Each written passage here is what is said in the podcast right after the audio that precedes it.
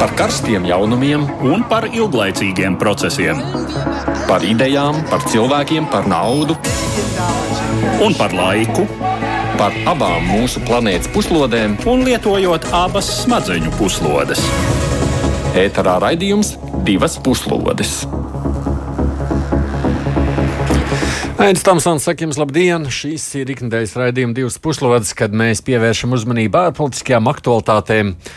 Kolēģis Edvards Liniņš šoreiz piesardzības nolūkos attālināt pie telefona. Sveiks, Edvards! Labdien! Par ko tad mēs šodien runāsim raidījumā? Mazliet plašāk pievērsīsimies politiskiem procesiem Polijā. Tur sabiedrība ir kļuvusi ļoti nu, polarizēta. Tas atstāja iespaidu ne tikai uz poļiem, bet arī uz pārējo pasauli. Par izaicinošo politiku Eiropas Savienībā ir runāts jau daudzkārt, bet tagad pieaug saspīlējums arī ar Izraēlu un pat Amerikas Savienotajām valstīm. Nedaudz laika veltīsim vēlreiz kaimiņiem Igauniem, kuriem izdevās otrdien ievēlēt nākamo valsts prezidentu. Ko tad varam sagaidīt no viņu? Kāda nākotne gaida līdzinējo prezidentu Kalju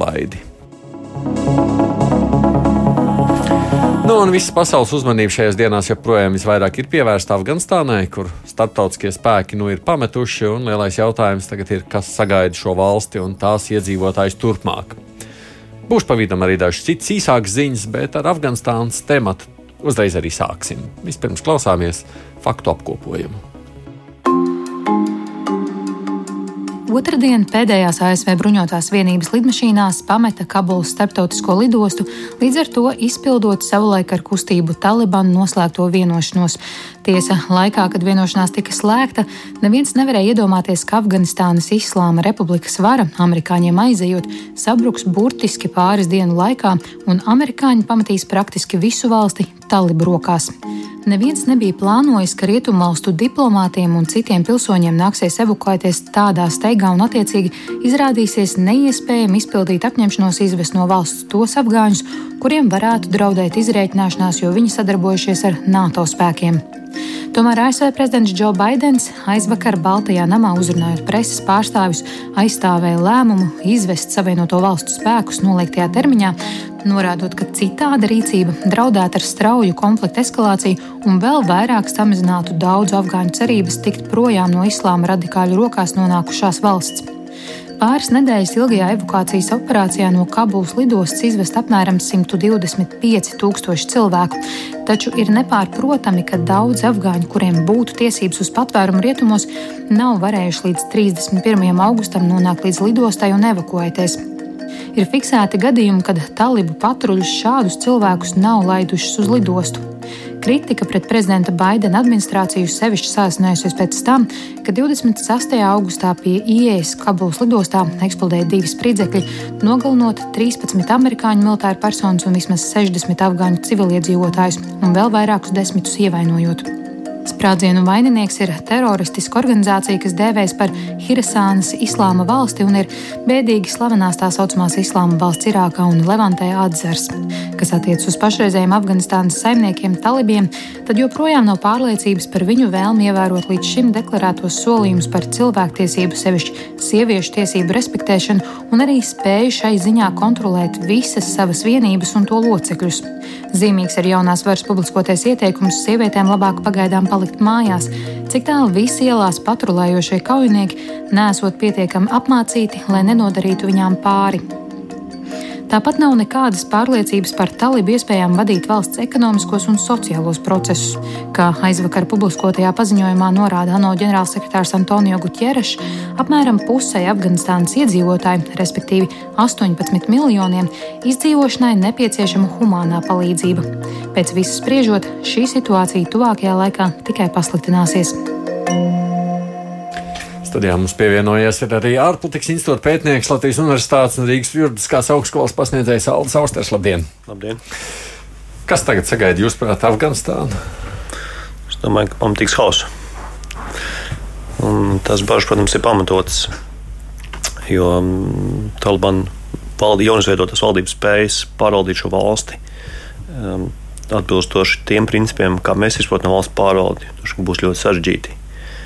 Un, un zinot viņu pagātni un attieksmi pret, pret um, pamat cilvēku tiesībām, nu, ir tiešām liels šaubas, vai bez vardarbības vispār izdosies nodibināt kārtību šajā valstī.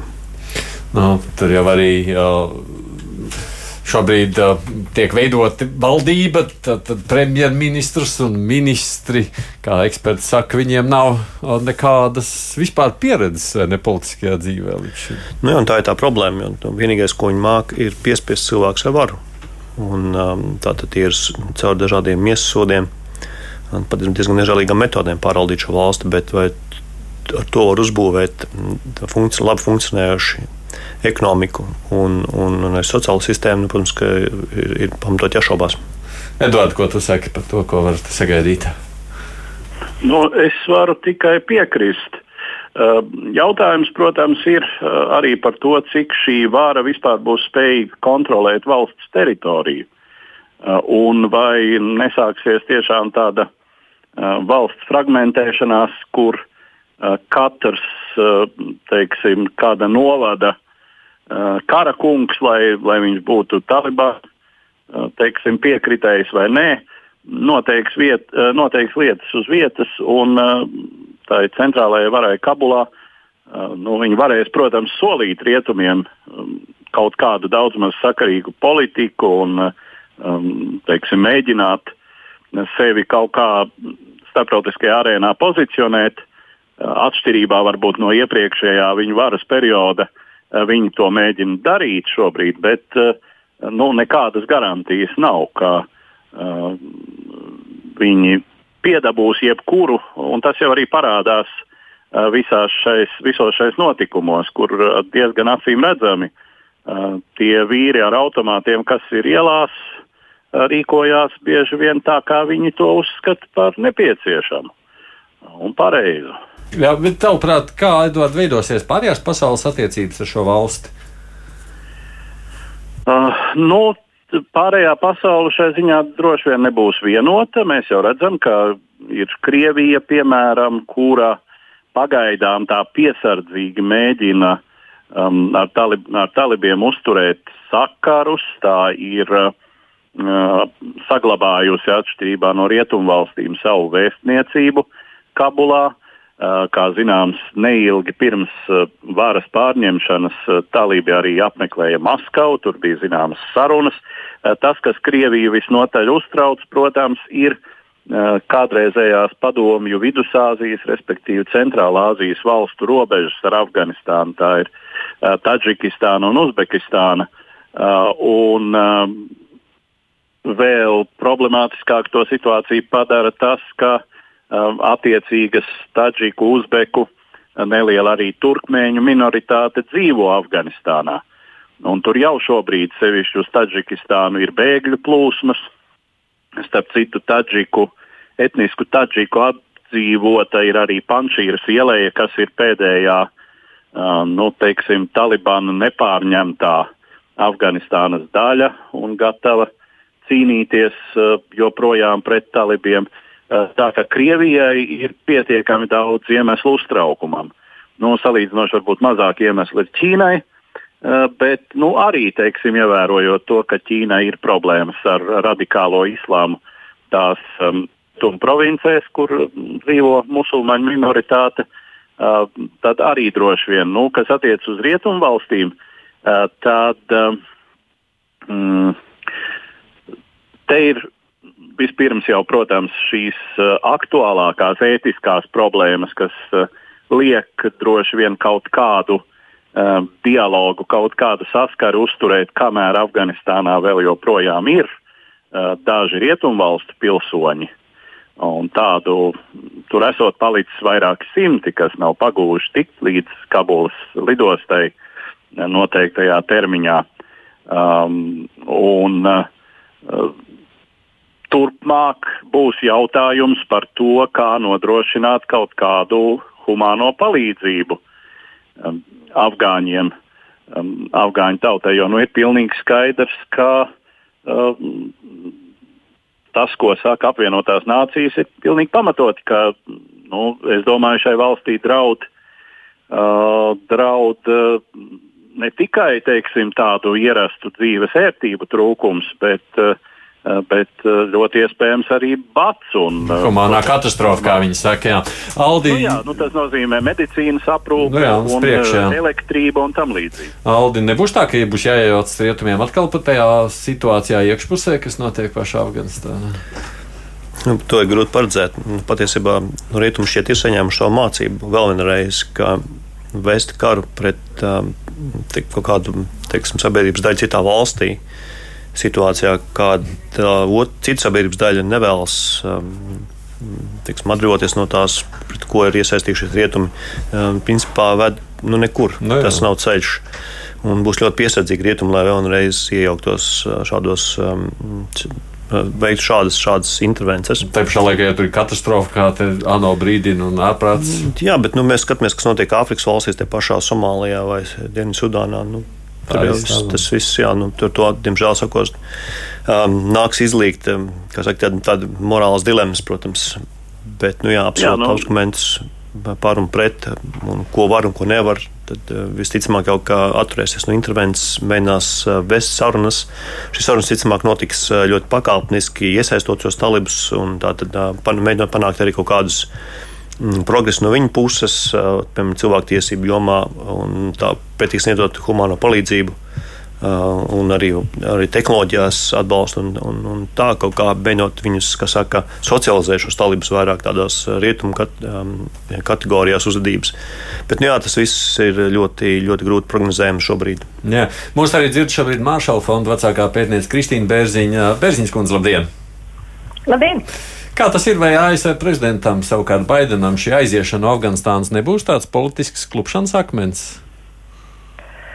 Uh, jebkurā gadījumā aiziešana no Afganistānas būs ļoti politiski noteicoša uh, prezidentam Baidenam. Šī ir bijusi viņam lielākā ārpolitikas dilema, uh, varbūt var teikt, ka pat krīze viņa prezidentūras laikā. Un, ņemot vērā, cik liels un sarežģīts šis ir jautājums, varētu teikt, vispār viņa, viņa prezidentūrā šis ir bijis tāds lielākais, sarežģītākais jautājums. Tagad būs svarīgi skatīties, kas tur notiek tālāk. Prezidents ba Baidens šonadēļ runā uh, pēdējā dienā Afganistānā teica, uh, ka nu, ļoti uzstāj uz to, ka šī bija pareizā izvēle uh, ASV šī momentā tomēr iziet no Afganistānas. Tagad jāskatās tālāk, kāda būs situācija vai pieauga radikalizēšanās terorisma draudz no Afganistānas, vai to var kontrolēt, kā ir iecerēts no debesīm, izmantojot uzlidojumus un citu, citus jautājumus, ņemot vērā, ka nav atbalsts vairāk Afganistānā uz, uz zemes.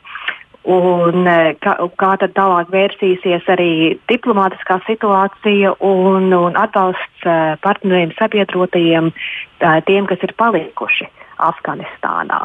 To, tāpēc mm. mēs vēl īsti nevaram pateikt, kā šis viss beigsies.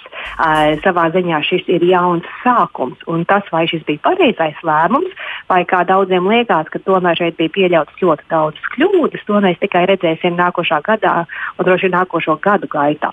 Jā, bet nu, faktiski jau nezinu, vai ļaudis atbalsta to, ka nu, ASV politika jau ar vien vairāk ir uz tādu neiejaukšanos, ne, aiziešanu no pasaules policistu lomas.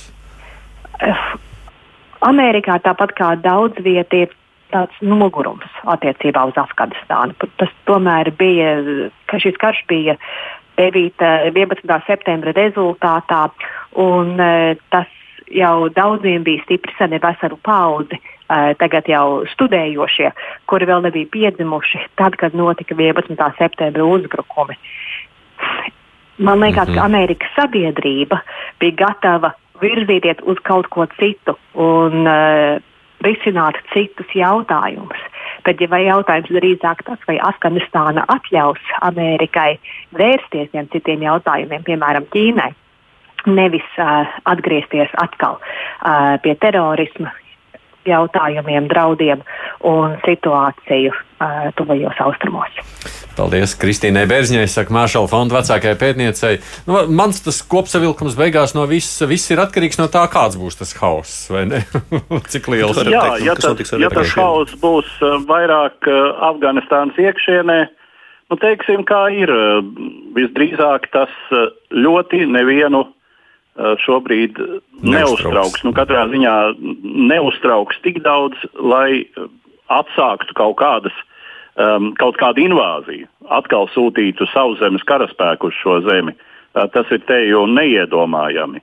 Uh, vienīgais, kas varētu būt, varētu likt atkal uh, nopietni iejaukties, būs tad, ja Afganistāna atkal kļūs par starptautiskā terorisma perēkli, ja tur uh, atradīs sev patvērumu mm, organizācijas, kas rīkos teroraktus kaut kur uh, citur pasaulē. Nu, tas mm. varētu būt vienīgais izņēmums. Izņēmums. Nu, nu, vienīgais vēl tādā ziņā, Aldi, ka, ja ir runa par uh, humāno situāciju, nu, tur jau būs kaut kādā brīdī jāizšķirās, jā, kur, kur palīdzēt, kur nē. Ne? Nu, jā, bet es atkal tas jautājums par, um, par um, šo iesaisti, um, kā šo humāno palīdzību nogādāt arī būtisks jautājums, ka mēs redzam, ir bieži gadījumi Āfrikā, tie pašā, kurā šī humanā palīdzība nevar tikt nogādāta, tāpēc ka kaurošās puses liedz palīdzības nokļūšanu. Un arī šajā situācijā Nedz ANO, nedz Rietumvalsts ir vēlējušās kaut ko darīt ar, ar, ar, ar savu armiju palīdzību, lai atbrīvotu šo ceļu. Tā kā es izmāku jau, ka nē, nu, tas būs, būs vienkārši tautas ciešanas, un um, rietumi būs spiest nolūkoties uz um, šīm ciešanām.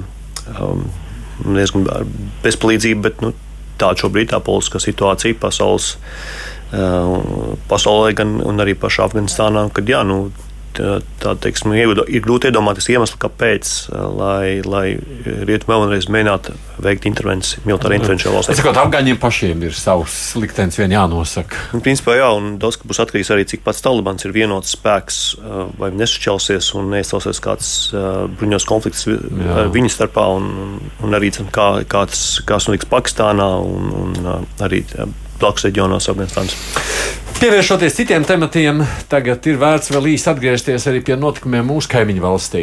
Katru otrdienu parlamentam izdevās ievēlēt jaunu valsts prezidentu. Vispirms tāds īsts ieraksts.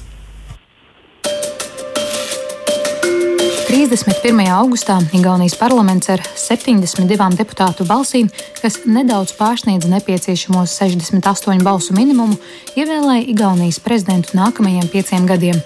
Par jauno valsts galvu kļuvis Alārs Karis, ilgadējs zinātnes un akadēmiskās pedagoģijas sfēras darbinieks, kurš savas karjeras laikā ieņēmis arī vairākus nozīmīgus vadošus amatus. Karisa pamatspecialitāte ir mikrobioloģija, kur viņš studējis toreizējā Igaunijas lauksaimniecības universitātē, tagad Igaunijas dabas zinātņu universitātē. 1999. gadā kļuvis par šīs augstskolas profesoru, bet no 2003. līdz 2007. gadam bijis tās rektors. No 2017. līdz 2012. gadam bijis Tartu universitātes rektors, bet pēc tam līdz 2018. gadam ieņēmis galvenā valsts kontrolieru amatu bet kopš 2018. gada vadījis jaunizveidoto Igaunijas Nacionālo muzeju. Paralēli administratīvajiem amatiem Alārs Karis turpinājis pasniedzēju darbu savā specialitātē. Kā zināms, prezidenta Kerstī Kaljulaida, kura tika šajā amatā ievēlēta ilgā vēlēšana procesā ar elektoru kolēģijas sasaukšanu 2016. gadā, neieguva pietiekamu politisko spēku atbalstu, lai tiktu nominēta ievēlēšanai uz otro prezidentūras termiņu divas puslodes. Ko varam sagaidīt Aldi no jaunā prezidenta? Man ir līdzīgs jautājums. Kas zīmīgi, viņš arī ir mikrobiologs. Arī um, Kalulaida ir, ir bioloģija bet ar mazāku akadēmisko stāžu, kā, kā jaunievēlētais prezidents. Viņiem patīk biologi. Tā izskatās, jā, un psihologi, kas bija Ilves. Tādi ir akadēmiķi. Ja mums Latvijā vairāk bijuši par prezidentiem ir vēlēti cilvēki, juristi, un to saimnieki, tad mūsu kaimiņu valstī vairāk tāds, tāds šo akadēmisko pusi ir tā inklinācija. Jā, bet kas ir zīmīgi, ka tiešām ir ieņēmis daudz jau vadošs amats. Jautājums, ko es uzdodu, cik, cik būtībā viņš būs principiāls, vai tiksim, tā, vai viņš būs tikpat principiāls kā Kalvijā dažos brīžos un tikpat um, interesantos lēmumos, kad, piemēram, Kalvijā pieņēma lēmumu pārcelt savu kanclāju uz Nārvus uz mēnesi.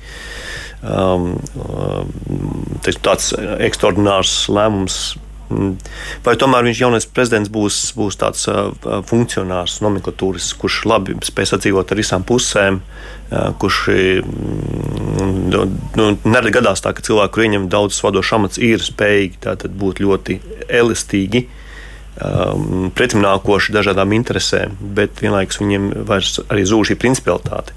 Nu, tādā ziņā, teiksim, Karlēta bija, bija cienīga pēctece Tomsam Henrikam Milvesam. Bet vai tās būs jaunais prezidents, es nezinu, man, man nav viedoklis. Bet varbūt Edvards tā vajag, vai ne? Ka nu, prezidentam jāmāk sadzīvot, visiem nav jābūt ļoti principiālam.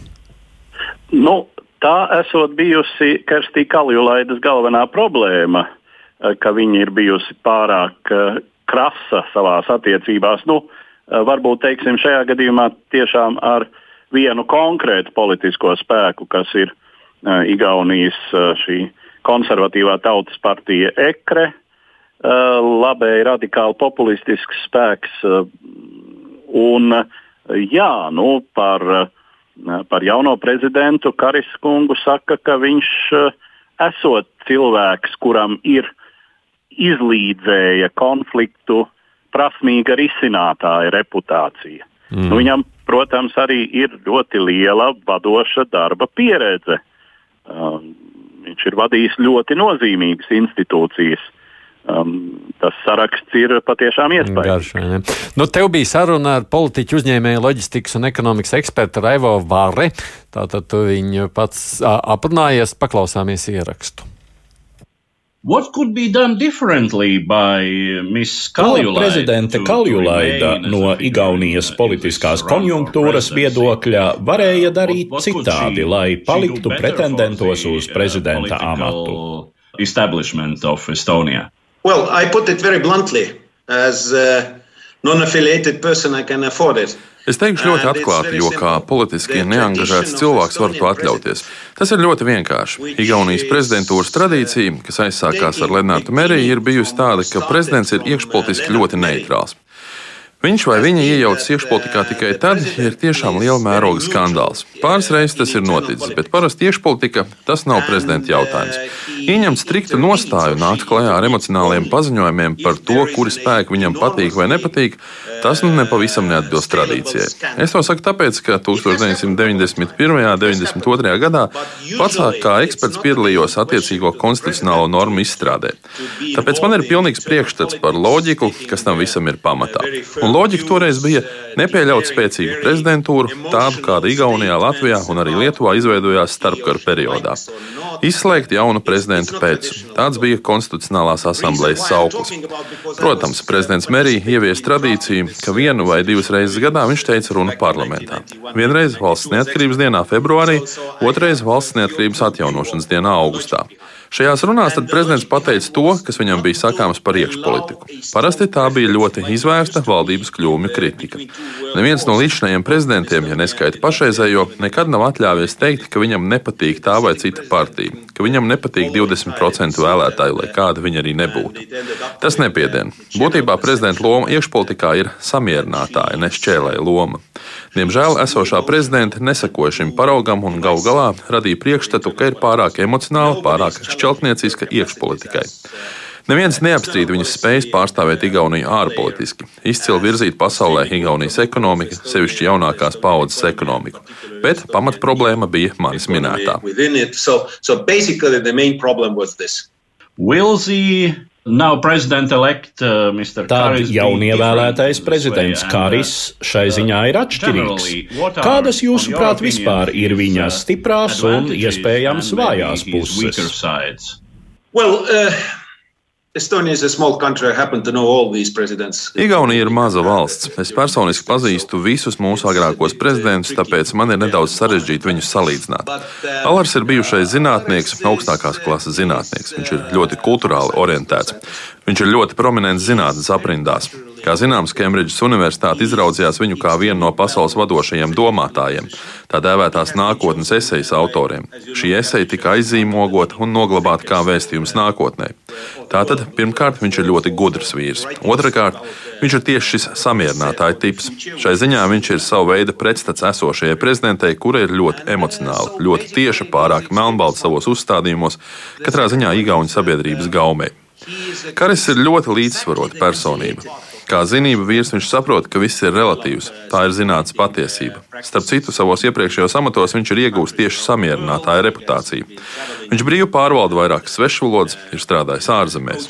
Kā valsts kontrolieris viņš ir piedalījies starptautiskajā darbībā, attīstot valsts kontrolas institūciju darbu visā pasaulē. Šai sakrā ceļojis un ticies ar visdažādākajiem politiķiem.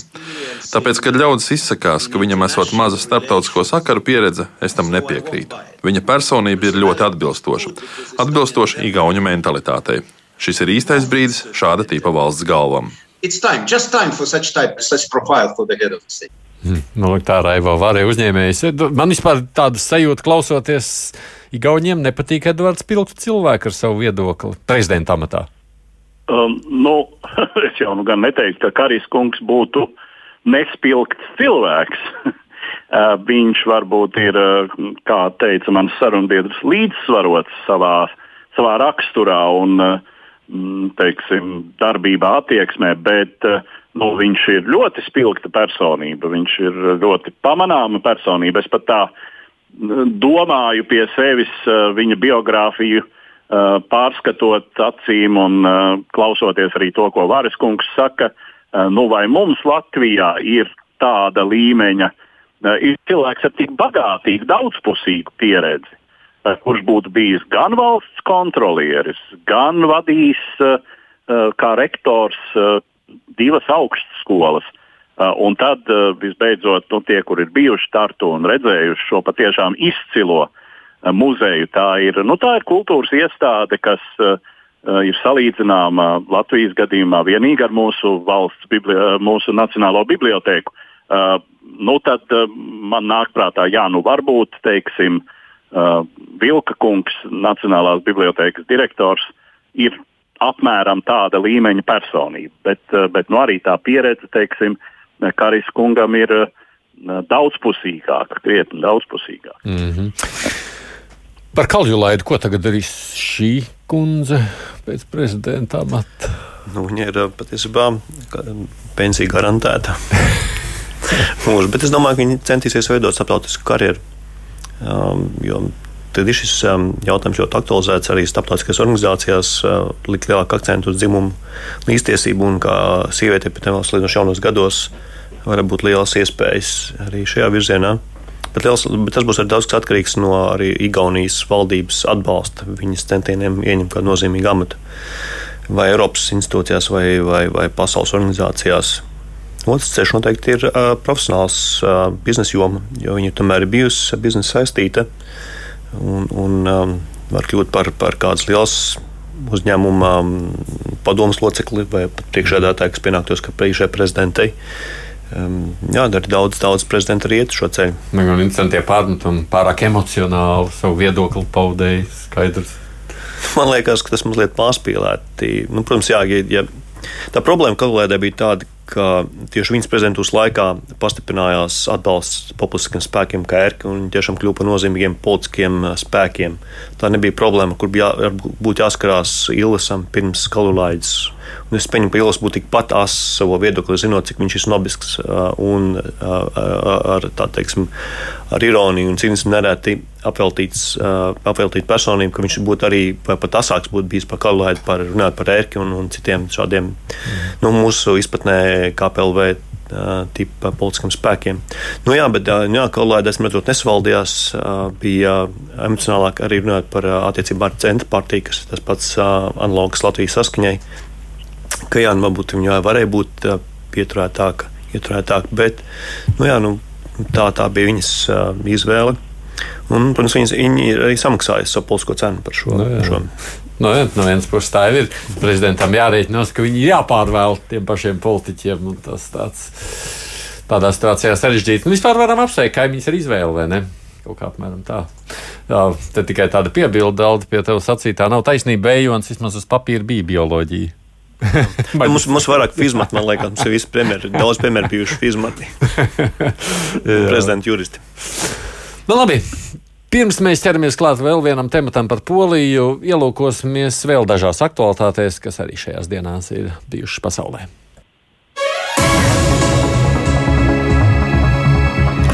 Pēc ārkārtas parlamentu vēlēšanām Bulgārijā tā arī nav izdevies izveidot valdību, līdz ar to nāksies izsludināt vēl vienas pirmstermiņa vēlēšanas. Pēc pirmajiem diviem neveiksmīgiem mēģinājumiem iespēja veidot valdību uzticēta sociālistiem, kas vēlēšanās bija trešajā vietā, taču arī viņi ir cietuši fiasko.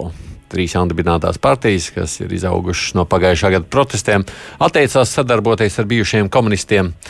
Trešdien arī sadarbība ar sociālistiem noraidīja dziedātāja un televīzijas zvaigznes Slavija Trifanova dibinātā populistiskā partija ir tāda tauta, kas vēlēšanās ieguvis vairāk balsu.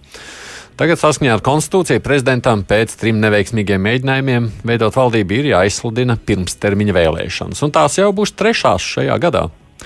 Visticamāk, ka tās varētu notikt novembrī, kad ir paredzēts arī prezidenta vēlēšanas, taču eksperti prognozē, ka arī šajās vēlēšanās iznākums būs līdzīgs, un tas vēl vairāk varēs padziļināt politisko krīzi.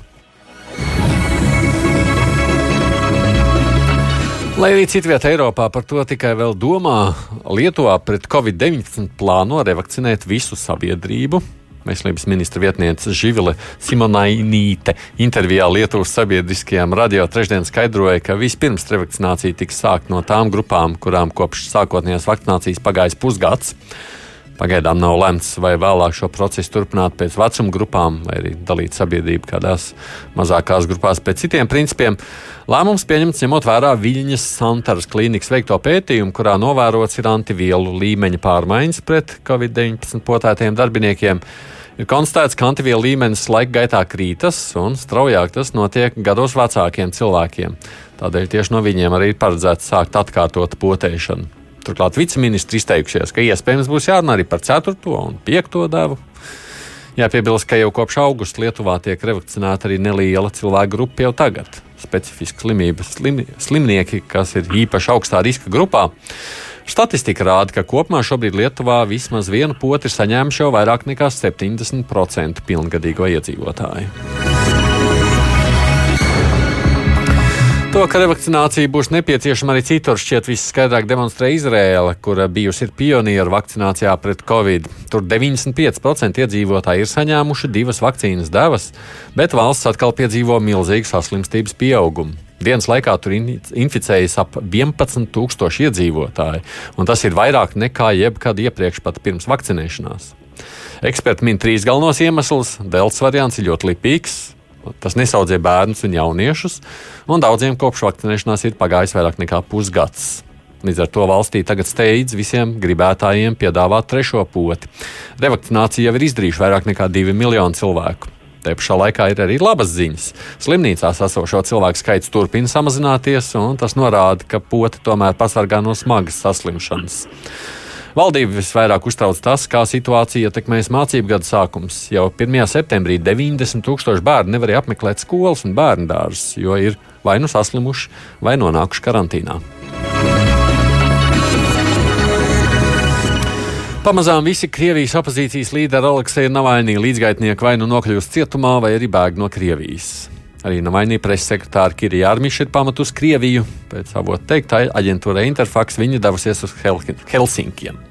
Pusgadu Jārmiša bija mājas arestā, bet 16. augustā tiesa piesprieda pusotru gadu ilgu pārvietošanās ierobežojums. Un, ja pēc pārsūdzības spriedums stāsies spēkā, tad Jārmišai nebūs tiesība izbraukt ārpus Maskavas apgabalu robežām. Opozīcija norāda, ka Krievijas prezidenta Putina autoritārais režīms pastiprina spiedienu uz saviem pretiniekiem pirms septembrī gaidāmajām valsts domas vēlēšanām, lai nepieļautu opozīcijas kandidātu dalību vēlēšanās un parlamenta apakšpalātā nodrošinātu valdošās partijas vienotā Krievija vairākumu. Jūnijā ar Navainī saistītās organizācijas tika pasludināts par ekstrēmistiskām, līdz ar to liedzot arī viņu līdzgaitniekiem kandidēt vēlēšanās. Bet Baltkrievijā turpinās centieni pilnībā pakļaut žurnālistus un iznīcināt neatkarīgas plašsaziņas avotus. Baltkrievijas augstākā tiesa pagājušās nedēļas beigās apmierināja Tieslietu ministrijas prasību likvidēt žurnālistu asociāciju, valstī lielāko neatkarīgo žurnālistu organizāciju, kas darbojas kopš 95. gada. Interesants ir šāds lēmuma pamatojums, proti, žurnālistu reģionālās nodaļas Gomeļā un Molodečnā esot darbojušās bez juridiskas adreses.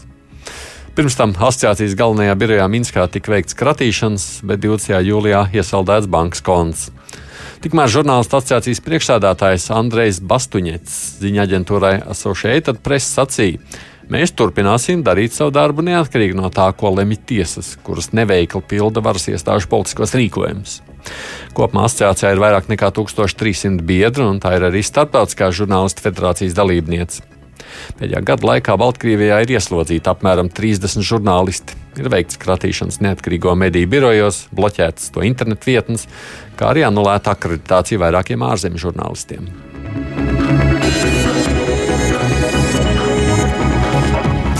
Nu, tāds bija vēl dažs ziņas īsumā, bet nu, pievēršamies tagad netālu esošajai Polijai, kas turpina izaicināt ne tikai Eiropas Savienību vienu. Vispirms faktu apkopojums. Polijas iekšpolitiskās tendences jau vairākus gadus ir iemesls pastāvīgai spriedzēji Varšavas attiecībās ar Eiropas Savienības institūcijām. Pēdējos mēnešos spriedzes degpunktā ir Polijas konstitucionālā tribunālā skatītais jautājums par Polijas konstitūcijas prioritāti attiecībā pret Eiropas Savienības nolīgumiem. Šādi Polijā valdošā partija likums un taisnīgums tiecas juridiski neutralizēt Briseles pretenzijas pret valstī pēdējos gados notikušajām tieslietu sistēmas reformām, kuras neatbilst Savienībā vispār pieņemtajiem priekšstatiem par tiesu varas neatkarību. Ja Polija pieņemtu lēmumu neatzīt Eiropas Savienību normu prioritāti, tas nostādītu Savienību radikālas izvēles priekšā. Vienā gadījumā Briselē būtu jāakceptē katras dalībvalsts tiesības piemērot Savienības kopējās normas pēc saviem ieskatiem, kā izteikusies Eiropas Savienības komisāra vērtību un caurskatāmības jautājumos Vera Jaurova, Tas novestu pie Eiropas, kur dažādas valstis piemērot kopējos likumus atšķirīgi, kā izvēloties no ēdienkartes. Eiropas likumiem jābūt vienam arbitram, un šis arbitrs ir Eiropas Savienības tiesa. Lietas skatīšana, kas konstitucionālajā tribunālā bija paredzēta otrdien, atlikta pēc Polijas cilvēktiesību ombudsmeņa pieprasījuma atsaukt vienu no tiesnešiem, kurš tieši piedalījies Briseles apstrīdēto reformu izstrādē. Tikām vēl divi citi polijā pieņemti likumi sarežģījuši tās attiecības ar Savienotajām valstīm un Izrēlu. 11. augustā Seima pieņemtais mediju likums liedz īpašumtiesības polijas medijos kompānijām, kas nav reģistrētas Eiropas ekonomiskajā zonā. Tas nozīmētu, ka Savienoto Valstu mediju koncernam Discovery var nākties pārdot kontrolu paketi lielākajā polijas privātajā telekompānijā TVN, kuras kanāls TVN24 nereti kritizē pie varas esošo politisko konjunktūru. Vašingtona jau kritizējuši šo lēmumu, norādot, ka tas var negatīvi ietekmēt ārvalstu investīcijas Polijā. Vēl viens pagājušajā mēnesī pieņemts likums sarežģīs Polijas un Izraēlas attiecības. Šis likumdošanas akts nosaka, ka vairs nav tiesas ceļā apstrīdama īpašuma atsafināšana, kas notikusi agrāk kā pirms 30 gadiem, respektīvi komunistiskā totalitārisma periodā. Polijā nav ticis pieņemts visaptverošs denacionalizācijas likums, un katrā atsevišķā gadījumā par lietu lemj tiesa. Tas attiecas arī uz holokaustā bojā gājušo ebreju ģimeņu īpašumu, kuru pievāca toreizējā Polijas Tautas Republikas vara. Izraēlas ārlietu ministrs Jērs Lapits nosauca šo likumu par amorālu un antisemītisku. Izraela nekavējoties atsaukus no Varšavas savu vēstnieku, kura amata termiņš drīz tojās beigām, un nav iecēlus viņa vietā citu. Tāpat polijas vēstniekam, kurš pašreiz atrodas dzimtenē atvaļinājumā, no Izraēlas puses ieteikts pagaidām neatgriezties savā misijā.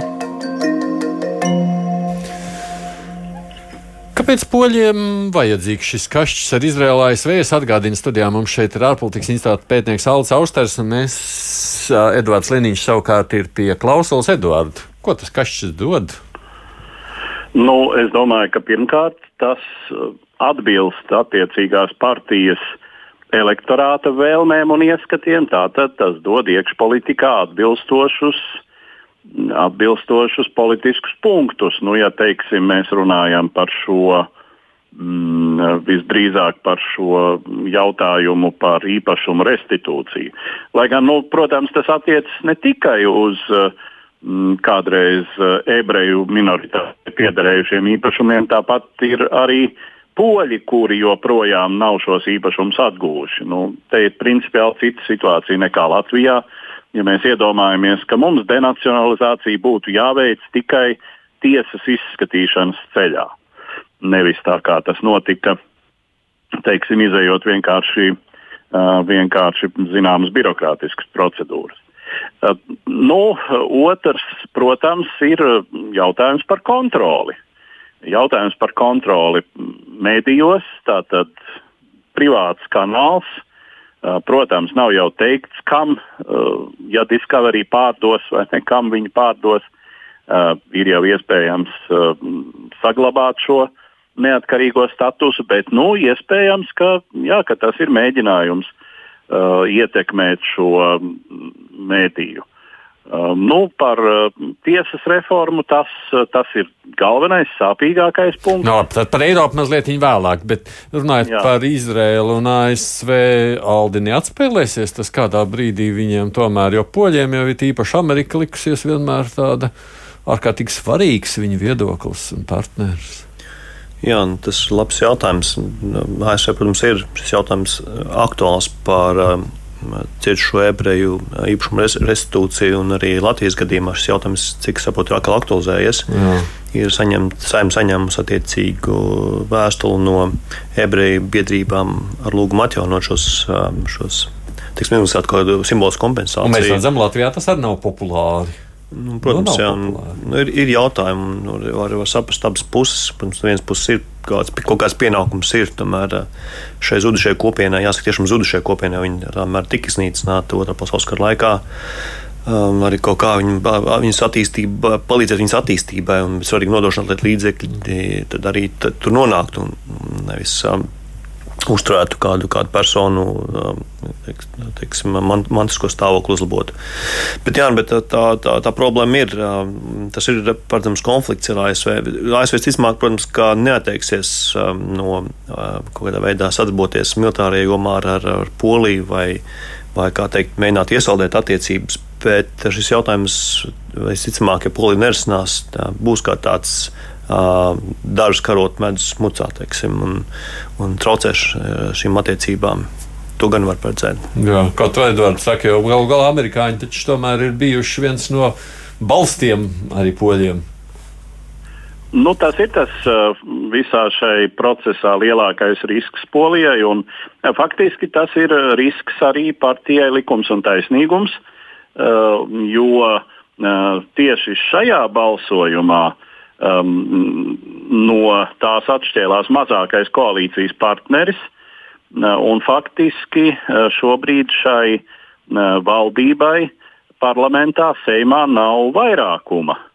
Mm, tā ir šobrīd mazākuma valdība, kas gan nenozīmē, ka tā ir tūdaļ jākrīt, ja Seimā nenotiek neusticības balsojums. Bet nu, tie komentāri, ko es tieši šodien lasīju, ka ļoti iespējams, ka Polijā arī tuvākajos mēnešos var notikt ārkārtas parlamenta vēlēšanas, kuru iznākums, taisnība sakot, eh, nu, nav garantēts. Es gribētu teikt, partija likums un taisnīgums, jo, nu, kā mēs redzam, nu, viņiem ir mazliet mazāk par pusi uh, deputātu vietu Seimā. Viņi ir, protams, lielākā frakcija, bet, uh, lai veidotu vairākumu valdību, viņiem tur ir vajadzīgs vēl kāds partneris. Nu, labi, par politiskām konsekvencēm es arī vēl gribēju šo raidījumu pašās beigās pieminēt, bet nu, savukārt runājot par šo te. Gaidāmo, jeb ilgstošu, nu, to konstitucionālās tiesas spriedumu, par ko ir runa Eiropas Savienībā. Nu, no vienas puses, Tā ir tāda zināma metodika, ko es domāju, arī mēs Latvijā dzirdām. Nu kā, mūsu intereses ir svarīgākas par kaut kādas kopējās Nu jā, tā jāatzīmē, ka um, šo, šo polijas lēmumu izaicināt uh, kopīgās Eiropas Savienības tiesību sistēmu ir veicinājis Vācijas konstitucionālās tiesas lēmums um, uh, attiecībā uz Eiropas centrālās bankas um, ārkārtas monetārā stimulēšanas programmām, mm. kur arī aizrādīja, ka Eiropas Savienības tiesa ir rīkosies ārpus savām kompetencēm un kas arī pamatot tiek uztīts kā tāds um, nu, slikt, sliktais piemērs, no kura turpinās mācīties tādas valsts kā Polija, vai teiksim, izmantot šo kā, kā taisnojumu, vēl vairāk degradētu savu mm, tiesisko, demokrātisko mm, valsts, valsts, valsts, valsts pamatprincipus. Bet, nu, jā, nu, tā tad. Um, Šeit ir mēģinājums tiek tātad uzstādīt augstāku nacionālas intereses par Eiropas Savienības kopējo tiesisko kārtību. Tas ir ļoti bīstami, protams, tādai mm. savienībai. Jo, ja katra valsts sāks izvirzīt šādas, šādas pretenzijas vai ambīcijas, tad, protams, ka Eiropas Savienība kā, kā vienota organizācija nespēs attīstīties, jo šobrīd ir liels grūtības panākt vienotu lēmumu sensitīvos jautājumus, piemēram, migrācijas vai bēgļu jautājumā. Ja vēl šāda, konstitucionāla kārtība tiek uh, tiek uzstādīta kā, kā būtisks princips, ka Nacionālās konstitūcijas aizsargā var, var viņas padarīt visus praktiski. Nu, Tad, no, kāda integrācija var, nebūs iespējama? Darīt to, kas ir konstitūcija paredz. Mūsu šobrīd arī dzird Latvijas Universitātes juridiskās fakultātes docents Edmunds Broks. Labdien, Brokungs! Labdien! Nu, no otras puses, vai tas nav saprotami, nu, kā ja pašu mūsu satversme vai nu, jebkuras valsts konstitūcija saka šādi? Nu, nu, tas ir būtiskāk nekā kaut kādi Eiropas lēmumi. Nu, šeit jautājums droši vien ir uh, sarežģītāks. Šajā gadījumā šķiet, ka mm, Polijas konstitucionālā tiesa un faktiskais Polijas konstitucionālās tiesas drīzāk stāv Polijas valdība. Uh, konstitūcija un konstitucionālā tiesa drīzāk nu, tiek izmantota kā mm, līdzeklis, lai, lai atspēlētos, atrieptos uh, Eiropas Savienības institūcijām, komisijai un Eiropas Savienības tiesai. Tā kā šeit es domāju, ka uh, tiesības, protams, ka iet uh, roku rokā ar politiku, bet šajā gadījumā tiesības tiek nu, izmantotas kā, kā līdzeklis uh, uh, politiskā spēlē. Nu, labi, tajā pašā laikā runājot par pašu principu, te nav bijušas citās valstīs strīdi par šo pašu nu, jautājumu, kas ir svarīgāks - nacionālais Jā, vai kopējais? Jautājums ir par Eiropas tiesību pārākumu, un šis jautājums ir bijis uh, strīdus ābols arī mm, iepriekš. Kopumā dalību valstis atzīst Eiropas tiesību pārkāpumu. Tie iebildumi sākas tikai uh, kontekstā ar uh, konstitūciju. Uh, ir lietas bijušas Vācijas konstitucionālajā tiesā, Čehijas uh, uh, un citu dalību valstu vai no augstākajās vai konstitucionālajās tiesās uh, droši vien Eh, klausītāji atcerēsies, pagājušā gada eh, maijā Vācijas konstitucionālajā tiesā bija ļoti svarīgs eh, spriedums, kur Vācijas konstitucionālā tiesa nu, izaicinājumu Eiropas Savienības tiesas spriedumam kontekstā ar Eiropas stabilitātes mehānismu. Bet visi šie gadījumi ir, es teiktu, principiāli mm, atšķirīgi no tā, kas notiek šobrīd.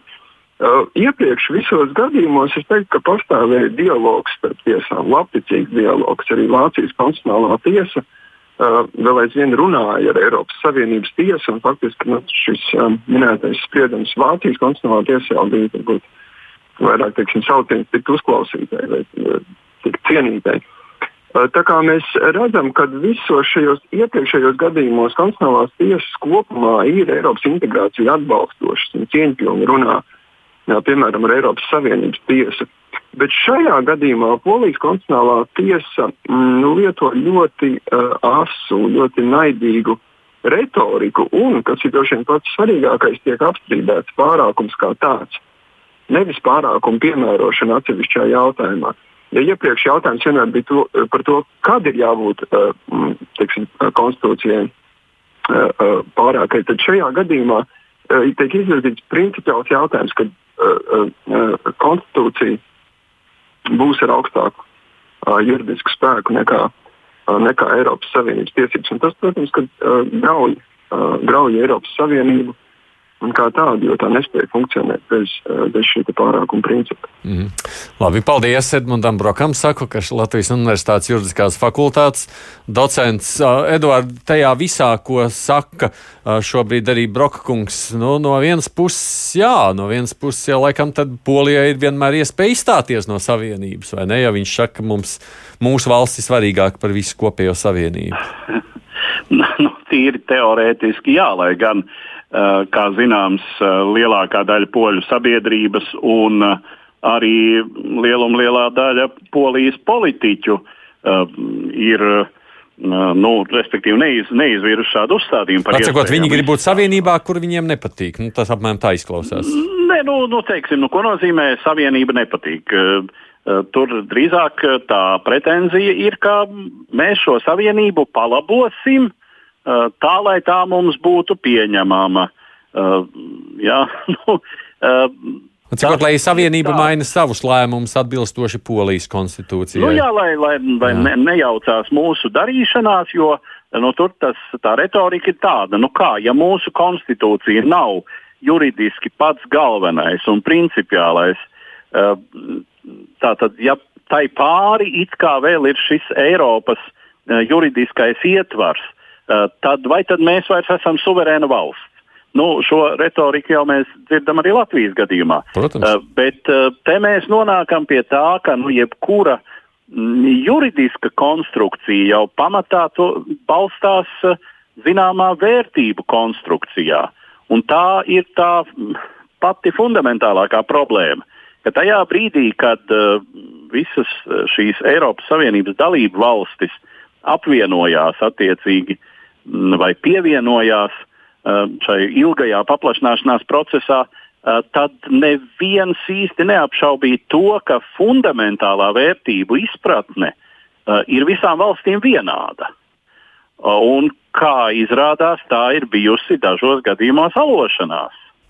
Jā, bet, un, jā, labi, bet Aldi, jā. no otras puses skatāmies, mums, jā, es paņemu tā pavisam īsti tikai kādā vienā minūtē. Latvijā par ko pieņemsim lielais, strās, lielais sāp ir par vienzimumu, pieņemsim partneru attiecībām vai pat laulību. Mums taču ir konstitūcija, un mēs tāpēc cīnāmies ierakstīt satversmē. Nu, tur, ja kāds mēģinās no Eiropas pateikt, ka šim jābūt vispār, visas Eiropas līmenī, mēs taču bļausim tāpat, vai ne tā? Droši vien, ka daļa no sabiedrības bļaus. Bet tajās pat būtisks, būtisks aspekts, un te jāpiekrīt, jāpiekrīt tam, ko teica Edvards. Konstitūcija, jebkuras valsts konstitūcija sastāv no divām daļām. Ir viena šī vērtība daļa, otra daļa ir institūcijas, kuras tiek veidots, lai šīs vērtības īstenot dzīvē. Tad jautājums, kas ir būtiskāk, šī vērtība daļa vai šī institūcija daļa? Šķiet, ka tas veidojums, ko Polijā sauc par konstitucionālo tiesu, atzīmēšu, ko sauc par konstitucionālo tiesu, jo diez vai no tādas riet, um, no Vācijas izpratnes tas, kas ir konstitucionāla tiesa Polijā, vai to uzstīt par konstitucionālo tiesu vispār, ka viņi vairāk gājuši institūciju ceļu. Viņiem šķiet, ka šīs institūcijas tiek nojauktas uh, un to arī šīs vērtības tiek zaudētas, un, un tas nav pieņemami. Nu, teiksim, bet savukārt, ja skatās no, šī, no šīs vērtību perspektīvas, ko atzīmē Edvards, tad, jā, tad nav jau konflikts starp Eiropas valstu konstitūcijām, Eiropas Savienības dalībvalstu konstitūcijām. Šīs vērtības vienotas, tik jautājums par to, kādas institūcijas tiek izmantotas, vai nacionāls vai pārnacionāls, tad kopīgas Eiropas institūcijas, lai īstenot šīs vērtības. Un tad jau šī konflikta vairāk nav. Jāpiebilst, laikam, un ko mēs, te, mani kolēģi mēģināja sazvanīt kādus no polijas šo konservatīvos pušu pārstāvjiem. Neviens negribēja runāt, neizdevās ne Ievai, ne Edvardam. Nu, proti, laikam, komentēt viņu par šo lietu nemaz tā Jā, paši mēs mēģinājām negrib, iegūt, iegūt komentāru no Eiropas parlamenta uh, likums un taisnīgums frakcijas. Uh, deputātiem. Nu, tas, jā, tas mums nesekmē. Vienīgais, pabeidzot to Edvards sacīto, Aldis, uh, nu, ja tur, tur kā izskatās, cik stipras ir tās konservatīvos politiskās uh, spēka nu, stabilitāte. Jo, ja tur ir vēlēšanas, tur nav tā, ka tur notiek tomēr kāda arī varas maiņa polijā. Grūti paredzēt. Nu, patiesībā nu, jāsaka, ka šim, šim konservatīviem spēkiem likums taisnīgums, nu, viņiem ir, ir diezgan liels atbalsts sabiedrībā, un viņi arī ir daudz darījuši, lai šos atbalstus uzturētu, likvidējot neatkarīgos medijus un, un izslēdzot kritiķus no, no publiskās tātad, diskusijām. Tā, viņiem ir zināms handikaps, var teikt, lai uzvarētu šās vēlēšanas vēl vienreiz. Un tāpēc ir jautājums, vai Donalds Tusks, kurš ir atgriezies polijas politikā, um, būdams liberāls, spējas pārliecināt uh, polijas sabiedrību lielākā mērā nekā līdz šim par to, ka ir svarīgi tomēr šīs varas maiņa un ir laiks arī polijā mainīties uh, valdošiem partijām. Es saprotu, Edvards, pusminūte tikai. Nu, sabiedrība jau ir sašķelta, vai ne Polijā? Nu, izteikti, izteikti pat, pat, pat saka, teritoriāli. Mēs jau vēlēšanu laikā runājām, pēdējo polijas vēlēšanu laikā, ka pat, pat tīri geogrāfiski ir apgabali, kas izteikti balso par konservatīvajiem un, un citi, kas balso par liberāļiem. Uh, bet uh, nu, jā, tā, tas līdzsvars ir tā uz nāža asmens. Un, Uh, un, protams, uh, konservatīvie jau ir daudz darījuši arī pērkot sabiedrības piekrišanu ar uh, tīri sociāli ekonomiskiem soļiem. Nu, jā, nu, kā tas daudzās tādās valstīs. Un māmiņa augs un kas tāds. Bet, jā, paldies, Eduard. Edvards Liniņš pie klausulas, ārpolitikas institūta pētnieks Latvijas Universitātes Rīgas juridiskās augstskolas pasniedzējs Aldis Austers studijā. Paldies par atnākšanu. Bija šeit arī es, Aidis Tomsons. Raidījums divas puslodes līdz ar to šodien izskan. Producents bija Ieva Zeiza. Mēs tiksimies ētrā atkal pēc nedēļas. Lūkosim, kādi notikumi būs notikuši nākamās nedēļas laikā.